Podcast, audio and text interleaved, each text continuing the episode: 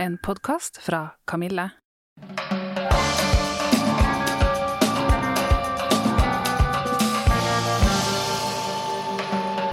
Hei, jeg heter Dora Thoralsdottir. Jeg er 48 år, og det er like før overgangsalderen starter for fullt. Sammen med Kamille har vi laget denne podkastserien fordi vi vet så lite om denne perioden av livet.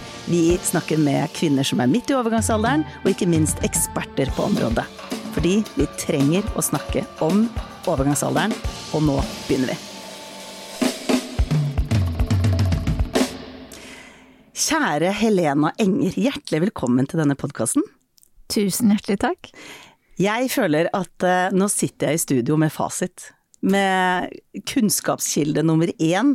Og grunnen til at jeg sier det, er jo at jeg har jo selvfølgelig lest boka di, 'Hetetokter og kalde fakta'. Jeg refererer til den i showet mitt, og for meg så var den veldig sånn eh, hva skal jeg si for noe, at det, det er sånn ABC for de som lurer på noe om overgangsalder. Så jeg har lyst til å begynne med å bare takke deg for å skrive boka. Og jeg vet at du er jo brukt som kilde i veldig mange sammenhenger når det kommer til overgangsalder. Så nå har jeg bare lyst til å bombardere deg med masse basic spørsmål om hva overgangsalder er. Er du klar for det? Jeg er klar for det, jeg gleder meg. Så fint. Med dine ord, hva er overgangsalder? Ja, eh, overgangsalder er da den fasen i livet hvor kroppen ikke lenger klarer å eh, lage menstruasjoner, hvor kroppen får for lite østrogen. Og da er det forskjellige faser at man deler inn i førstefasen, når mensen begynner å rote og man begynner å få hetetokter. Og så etter hvert når den siste menstruasjonen kommer, eh, og så tiden rundt, eller spesielt etterpå, når vi ikke har noe østrogen igjen, det er ett år etter siste menstruasjonen, pleier man å si. Det kalles for klimakterie på sånn medisinsk, og det er en fase som varer resten av livet.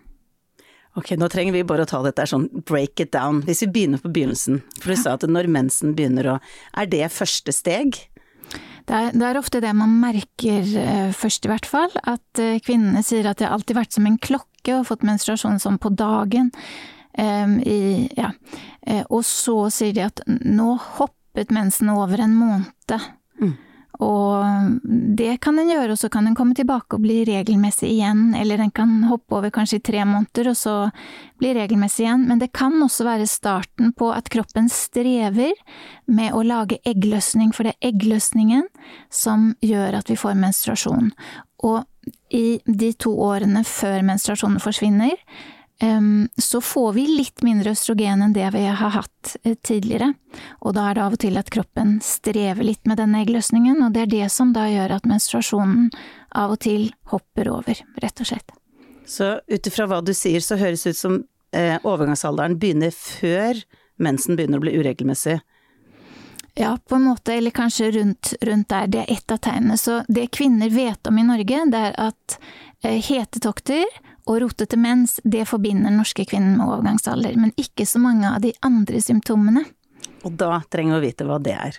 Ja, nå vet jeg at du er kjempeflink på dette her, Dora, men jeg har med meg jukselapp for at ikke jeg skal glemme noen ting, så må jeg bare få på meg brillene. Skal vi se.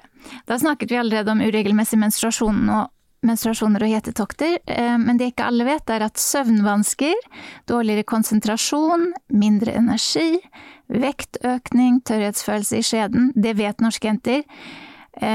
Kan, man kan få mindre sexlyst, hjertebank, bekymring og lett angst og nedstemthet, og så glemte jeg faktisk å skrive i boken at man kan få vondt i leddene også, men det kommer litt senere, bare ikke på den oppsummeringen. Alle får ikke alt, det kan være greit å vite, så det er ingen grunn å gå i depresjon riktig ennå. du, nå jobber jo du som gynekolog. Ja. Eh, gjennomsnittskvinnen som kommer til deg, hvem er hun, og hva lurer hun på? Det, nå, er, nå, er, vi på overgangsalderfokuset, ikke de som skal få p-piller for første gang eller noe sånt. Nei, nemlig. Det er mange som kommer og, og sier ifra at nå er jeg i overgangsalderen. Unnskyld. Eh, fordi, fordi, nå har jeg fått tetstokter, og nå roter mensen. Og jeg har det ikke noe godt, og jeg må få gjort ting med det. Mm. Det er ofte. Ja. Mm.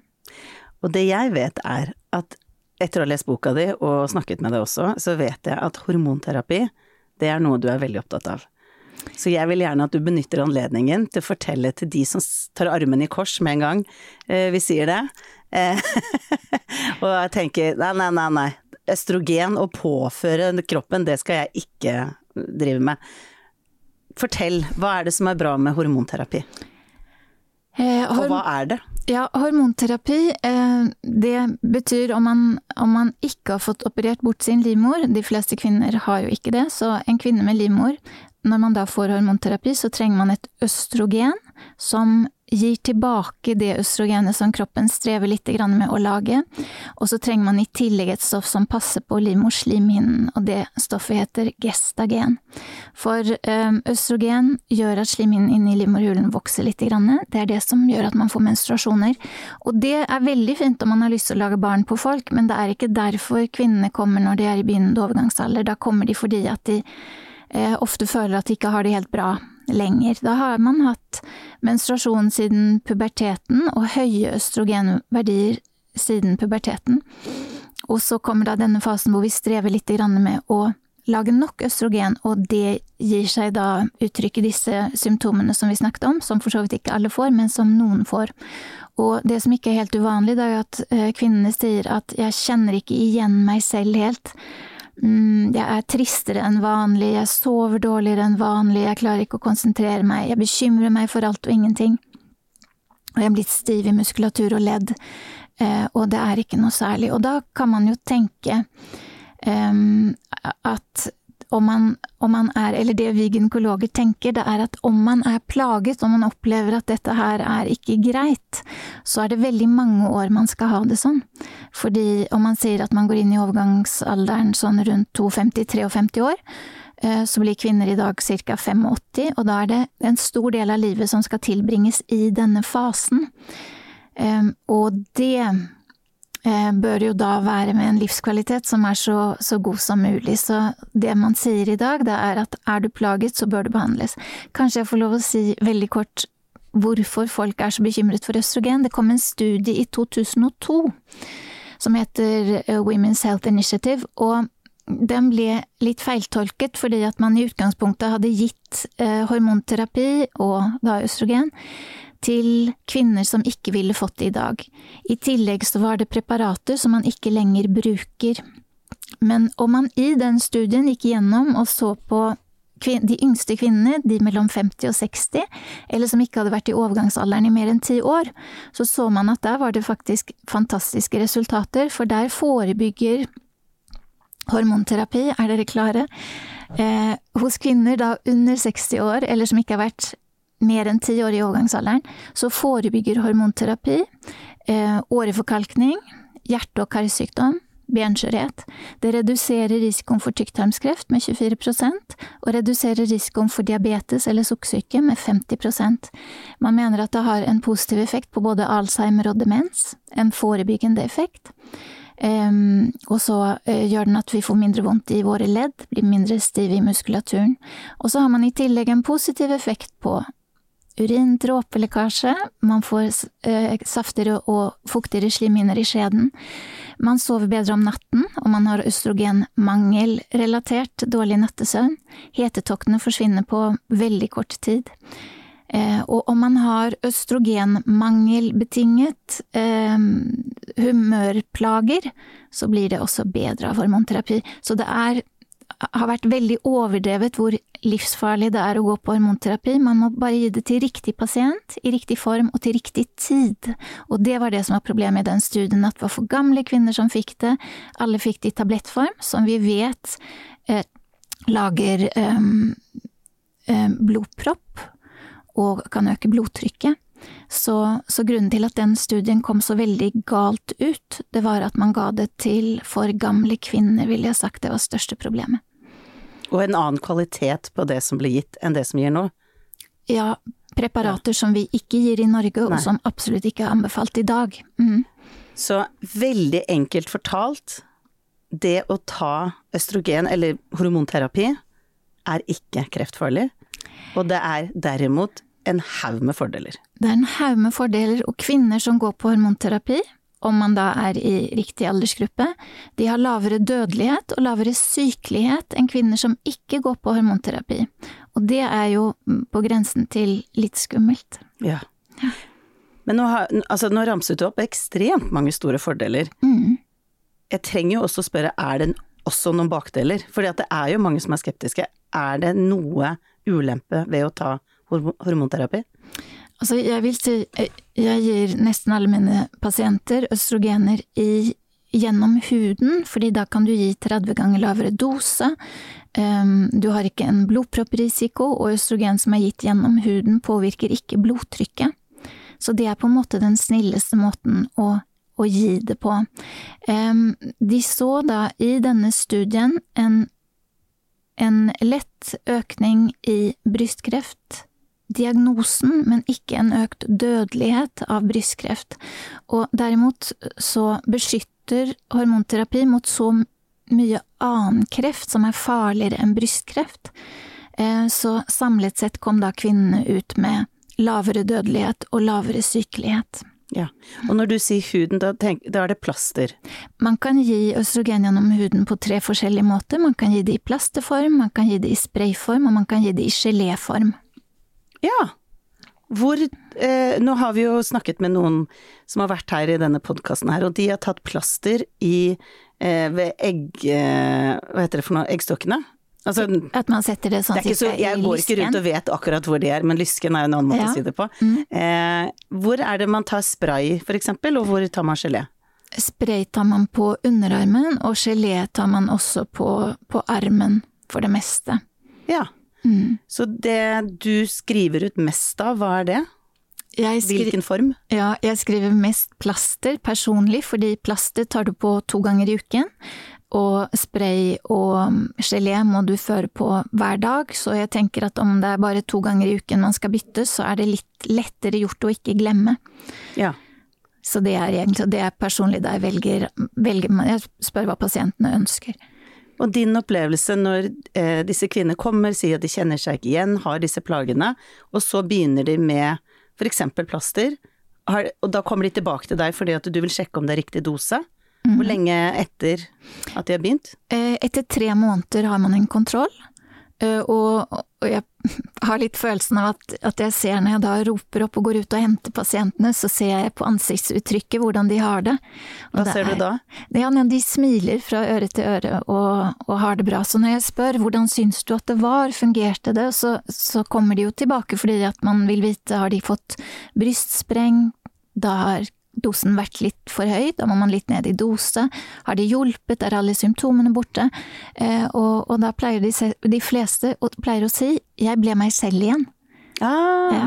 Ja, nå, nå, er jeg sånn som jeg på en måte kjenner meg og så er jeg ikke plaget av hetetoktene lenger, og så sover de fleste bedre om natten, og så, så sier mange at, at, alt dette andre som jeg ikke visste om, det merker jeg at det har en positiv effekt på, på min kropp. Jeg grubler mindre, jeg sover bedre, jeg er mindre ukonsentrert eller føler at, at uh, tåken i hodet har lettet litt, så, så det kommer ofte som jeg spør har du lyst til å fortsette, eller syns du at det var bortkastet, så er jo langt over 90 vil jeg si sier at nei, dette var deilig, dette vil jeg gjerne fortsette med.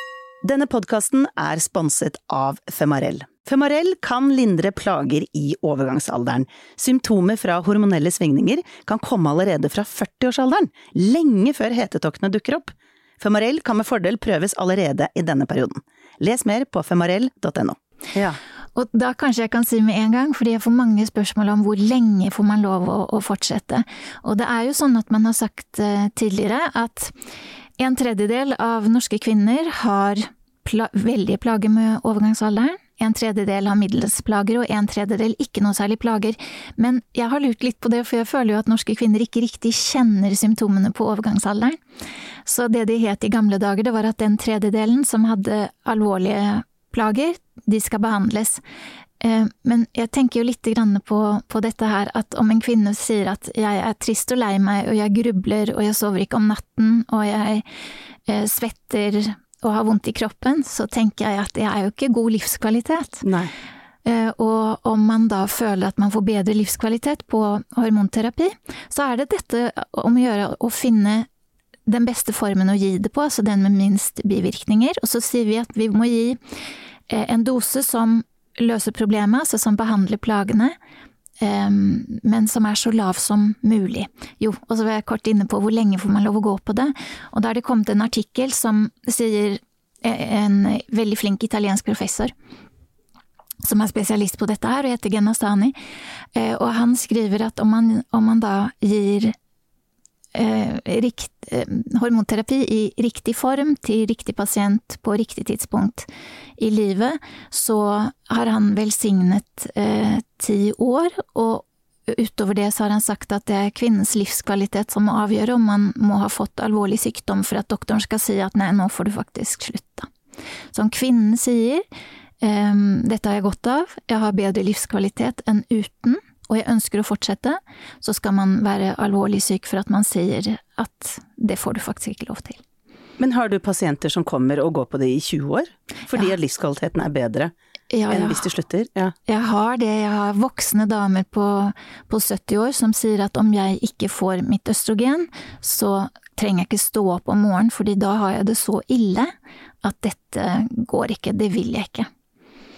Men 70 år, hvor lenge sier man at overgangsalderen varer, egentlig? Ja, det er jo akkurat dette at Det er så vanskelig å Ja, jeg forstår det. Menstruasjonsrotet, det gir seg jo etter hvert ikke sant? Og hetetoktene de kan også ø, brenne litt ut og bli bedre etter hvert. I snitt så sier man i undersøkelser man har gjort at overgangsalderen varer i syv år. Men det som er, det er jo at denne østrogenmangelen som overgangsalderen fører til, den varer jo resten av livet. Ja, for det var det du sa helt i starten, mm. at det er en start på en prosess. Ja. Men ikke, du går jo ikke tilbake til den du var da du var 40? Eh, nei, Nei, man gjør jo ikke det, for med 40 har man fortsatt nok østrogen til å lage menstruasjoner og til å holde kroppen i gang. Eh, men når vi da på en måte er i overgangsalderen, eller det som på medisinsk kalles for klimakterium, eh, da har vi ikke noe østrogen igjen. Nei. Da er vi lave resten av livet. Da har faktisk gutta mer østrogen enn vi har. Fordi Hvordan slår det ut? Ja, ja man sier jo at, at kvinner i overgangsalderen kan bli litt mer eh, tydelig og direkte, om vi skal si det på en pen måte. Og så er det noen som sier at eh, mennene blir litt mildere med årene. Mm. Bestefedre og sånn, kanskje. Så, så det er sånn at vi har mye mer østrogen så lenge vi ikke er i overgangsalderen, men når vi kommer inn i overgangsalderen, så har faktisk gutta mer østrogen enn vi har. Tenkte det. Men testosteron da, jeg bare lurer i og med at det er det kjønnshormonet menn har. Mm. Det har jo vi kvinner også i kroppen vår. Ja. Hvordan er testosteronnivået hos kvinner som, har, som, er i overgangsalderen, og som ikke er i overgangsalderen lenger? Ja, eh, testosteronnivået vårt det er på sitt høyeste når vi er kanskje rundt sånn 24-25, og så faller det langsomt. Og så, når vi kommer inn i overgangsalderen, så faller det mer betydelig, for det er eggstokkene som lager testosteron også. Og når de da slutter å eh, produsere østrogen, så slutter de også over tid å produsere testosteron. Så vi er lave i testosteron når vi kommer inn i overgangsalderen. Ja. Det er vi. Kan jeg spørre, for du, du sa at eh, hormonterapi vil du si, og du har jobbet som gynekolog i mange år og virkelig kan dette her. Du sa at jeg vil si over 90 noen og 90 mm. får bedre livskvalitet av mm. å gå på hormonterapi. Jeg bare lurer på, for de eventuelt 5-6-7 prosentene som føler at dette ikke hjelper så mye, er det noe annet som fins for dem? Hva gjør du da? Ja, nei, altså jeg påstå, jeg vil påstå at om det er østrogenmangelrelaterte problemer, så hjelper det med hormonterapi. Men det er jo ikke alltid like lett for kvinnene å, å gjennomskue er dette østrogen, østrogenmangelrelaterte plager jeg har, eller er det noe annet. Og der er for eksempel depresjon, trist og lei seg. Eh, det finnes jo kvinner som har depresjoner før de går inn i overgangsalderen.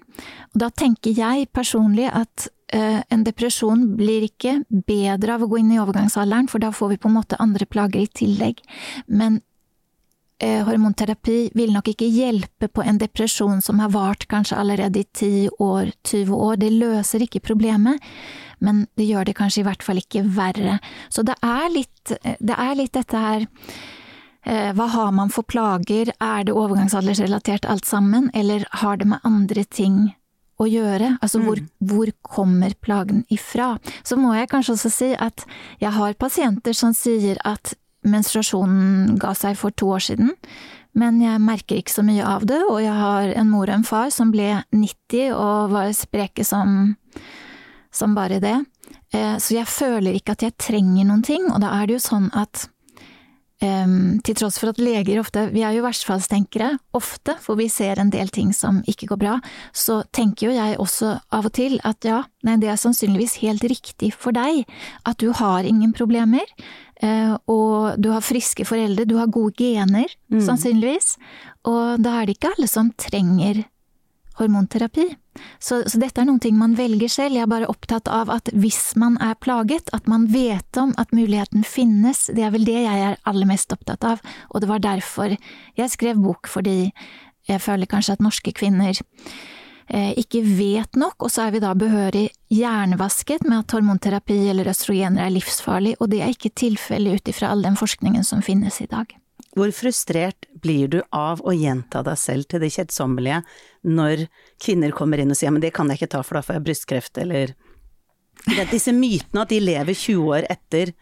Ja, ja, nei, jeg er gynekolognerd, da, og jeg er veldig opptatt av overgangsalderen, så jeg gleder meg i grunnen hver gang jeg får lov å fortelle for kvinner om overgangsalderen. Så derfor er jeg veldig glad for å få lov å komme til deg også, fordi nå har jeg en mulighet til å fortelle om det en gang til. Så jeg blir ikke lei av å fortelle, fordi at jeg vet at det er et behov. Ja. Absolutt. Hva er dine tanker om grunnen til at dette her er så bortgjemt under teppet, skamfullt ofte? At vi ikke kan mer, at vi ikke snakker mer om det. Hva er grunnen til at det ikke er mer åpenhet? Jeg tenker at det har med gamle dager å gjøre. Om man tenker på hvordan det var da å være kvinne, si for ja, i begynnelsen av 1900-tallet eller før det, um, så, så innebærer dette jo en forandring i kvinners liv, og ikke absolutt til det positive. Um, om man plutselig da ikke sover lenger om natten fordi at man har hetetokter og får vondt i kroppen kroppen og dårlig konsentrasjon og trist og lei seg, eh, så er det jo nå Det er jo altså, siden 50-tallet at det har funnet hormonterapi. Eh, og før det så var det ikke lystelig å gå inn i overgangsalderen, fordi det var mange som ikke hadde det godt, rett og slett. Kjente på kroppen at nå er jeg i overgangsalderen. Og så kom jo da også eh, i gamle dager så var kanskje en kvinnes verdi en god del knyttet opp mot at man var fertil og fruktbar at man kunne få barn, og der tenker jeg at der har jo samfunnet gått videre. Og det er ikke det viktigste igjen i alle kvinners liv lenger, at de, at de kan få barn. Og det er derfor jeg føler at det er veldig unaturlig i dag å dele inn kvinner i blødende kvinner, altså menstruerende kvinner, og ikke-menstruerende kvinner, som da er de som går inn i overgangsalderen, fordi vi har mulighet til å gjøre noen ting med, med det som er kanskje det verste med overgangsalderen, at man føler at man kan bli ja, syk er ikke riktig å si, men, men at man ikke har det bra i kroppen sin.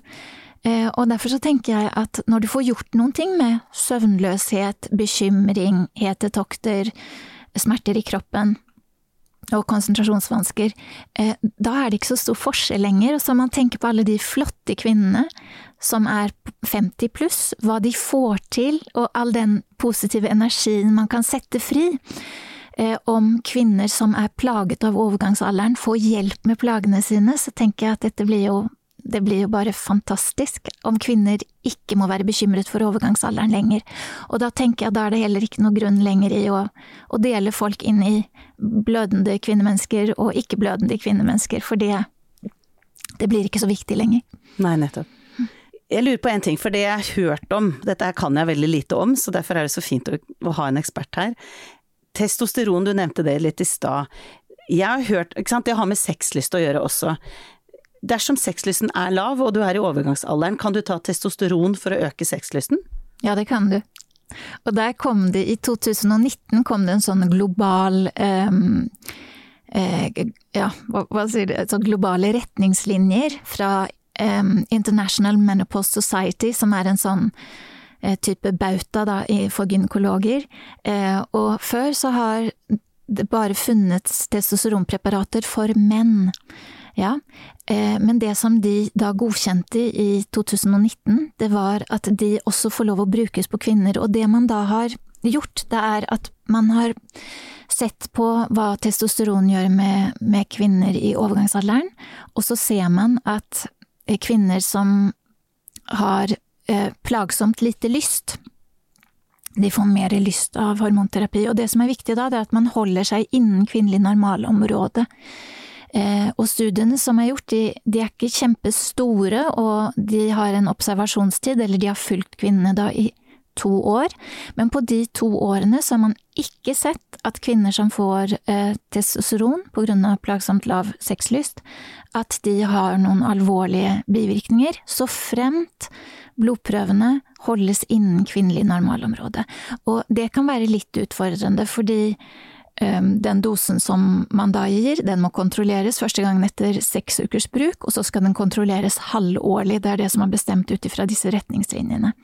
Men om man gjør det, og, og, ser at kvinnene ligger innenfor, så gir testosteron litt mer energi, det gir mer lyst, ehm, det gir ehm, bedre søvn, faktisk.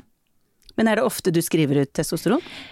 Jeg skriver en del testosteron, og så får jeg jo kvinnene tilbake, og så er det noen som gleder seg veldig og føler at dette funker godt, og så er det noen som sier at jeg føler kanskje ikke så kjempestor forskjell, så, så det er litt uh, avhengig. Men, men, om det er noen som forteller at jeg føler at all lysten min har forsvunnet, så, så spør jeg jo da. Mm. Eh, om det er noen ting de har lyst til å prøve. Og det som kan være lurt, det er å avvente og ikke begynne med alt samtidig, fordi da vet man, om man begynner med mange forskjellige medikamenter samtidig, så vet man ikke riktig hva som virker ja. på hva. Ja, Hvordan tar man testosteron? Det er også en krem som man smører gjennom huden, og det er måten å gi det til kvinner. Um, I skjeden, eller er det også eh, armen? Det er, det er, faktisk også armen. Eh, testosteron trenger en stor hudflate å bli smurt ut over, så jeg pleier å si smør på underarmene. Eh, og så, om det fortsatt er litt fuktig på underarmene, så smør du på innesiden av leggene. Kanskje jeg skal si um, litt økt Litt økt hårvekst kan man få. Eh, av testosteron, men ikke, ikke, type skjegg, og man får ikke dypere stemme. Um, så det er, det, det er litt grann give and take. Hva syns man? Mørke kvinner kan kanskje føle at ja, man må passe på at man er innen kvinnelig normalområde, så pleier det gå veldig bra, syns jeg. Ja. Det er jo veldig godt at det fins, da. Ja. Som en mulighet. Ja. ja. Um, vi er jo sponset av Femarell, det er jo et naturpreparat eh, for å hjelpe oss mot overgangsalder. Hvordan stiller du deg i forhold til eh, naturmedisin og, og den type medikamenter? Jeg tenker at overgangsalderen den kommer jo litt langsomt. Det er, liksom, det er, sjelden at det er sånn at en kvinne sier at i morgen, så våknet jeg, og så, så, var jeg plutselig i overgangsalderen. Så det kommer litt langsomt. Og da er det sånn at eh, kvinner ønsker av og til å prøve naturpreparater, eller man ønsker vel kanskje å klare seg selv før man er helt klar over er dette overgangsalder eller ikke, og da er det jo ingenting i veien for å prøve, og noen pasienter føler effekt av eh, naturpreparater i starten, og, og så kan det nok være at mm, at man senere i livet føler at effekten ikke blir stor nok, men det er jo absolutt ingenting i veien for å prøve. Ja. Det er det ikke. Ja, Så det er positivt til å prøve det. Sånn særlig i mm. starten. Ja. ja. ja. og om man føler at man kommer i mål med det, så, så er det jo greit. Og om man ø, føler at man trenger litt mer, så får man snakke med sin gynekolog eller allmennlege og, og høre. Når du sier snakke med sin gynekolog eller allmennlege, tenker du at for de som er nylig kommet inn i overgangsalderen, eller skjønner at nå er det ting i gang her, anbefaler du mest Altså nå er jo du gynekolog, så jeg tror jeg vet hva svaret ditt er, men jeg spør likevel, er det sånn at du oppmuntrer de fleste å gå til gynekolog når de er i gang med overgangsalderen? Ehm, det var et bra spørsmål. Dette er litt avhengig av interesse. Det finnes allmennleger som er kjempeflinke, eh, og som er oppdatert på hormonterapi og ikke har latt seg skremme eller har informert seg etter at denne skremselspropagandaen kom i 2002, som sa at hormonterapi er livsfarlig. Men det er litt avhengig av um, hvor oppdatert man er, og dessverre så er det jo sånn at ikke bare kvinner uh, som kommer i overgangsalderen uh, strever litt med å finne informasjon, men det er også av og til at fastleger sier at har du bare litt hetetokter, så trenger du ikke hormonterapi. Så, så det, det, det, jeg skulle ønske meg, det var at de som føler at de ikke får hjelp, at de går til noen som, som kan dette her. Fordi da er det ikke noe særlig tvil om man får hjelp eller ikke. Men man må føle seg vel med, med den doktoren man går til, ja. om, og, og, føle at, ja, man må føle at man får hjelp. Og får man ikke det, så vil jeg ha sagt da går du til noen andre. Ja. Kan jeg stille et litt personlig spørsmål om deg og din overgangsalder? Ja, er det lov? Det? Ja. Jeg regner med at ikke du, du stenger døra der, for du snakker jo om disse tingene hele tiden. Jeg gjør det. Men kan jeg bare rett og slett spørre deg om dine, dine personlige erfaringer når det kommer til overgangsalder? Ja. Jeg er jo gynekolog, så jeg hadde bestemt meg for lenge siden at jeg hadde ikke tenkt å få noe særlig eh, det er lite hva jeg aksepterer av hetetokter og symptomer på overgangsalderen, og så vet jeg jo at det er Det er lite du aksepterer før du tar ja, hormonterapi? Før, ja, ja, nemlig. Ja. så jeg har gått eh, på hormonterapi, og selv så bruker jeg plaster. Ja. Eh, og om noen er interessert av det, så bruker jeg eh, Man trenger noen ting som passer på livmorslimhinnen, og det kan man da få eh, typ Eh, et, det som er anbefalt, er et preparat som heter Utrogest. Det er tabletter. Det kan være litt vanskelig å ta akkurat i begynnende overgangsalder, og da setter vi av og til inn hormonspiraler som passer på livmorslimhinnen. Ja, Hva skjer hvis den ikke er Ja, om den ikke blir undertrykket, så, så vokser den, og da får man blødninger. Det er uheldig over tid. Eh, man får mellomblødninger. Og så har man sett i studier at om man ikke undertrykker den i det hele tatt, så går ikke det bra når det er gått eh, flere år, da. Eh, og så er jo gynekologer som folk flest, at det er ikke alltid vi er like raske som vi tenker at vi kunne vært. Du har forskjell på teori og praksis? Det er litt forskjell på teori og praksis, men, men det som er anbefalt også da internasjonalt, um, og også i norske retningslinjer, det er da et preparat det er naturlig eh, progesteron, som heter mikronisert progesteron. Det er det som er anbefalt for å undertrykke limosliminnen, og grunnen til det, det er at det er det preparatet som er aller snillest med brystene. Så da har man den aller laveste brystkreftrisikoen, og da må jeg si også at det finnes stor studie fra Frankrike med 80 000 franske lærerinner som gikk da på østrogen gjennom huden. Lærerinner? Ja, ja Det var kun en yrkesgruppe som fikk eh, delta?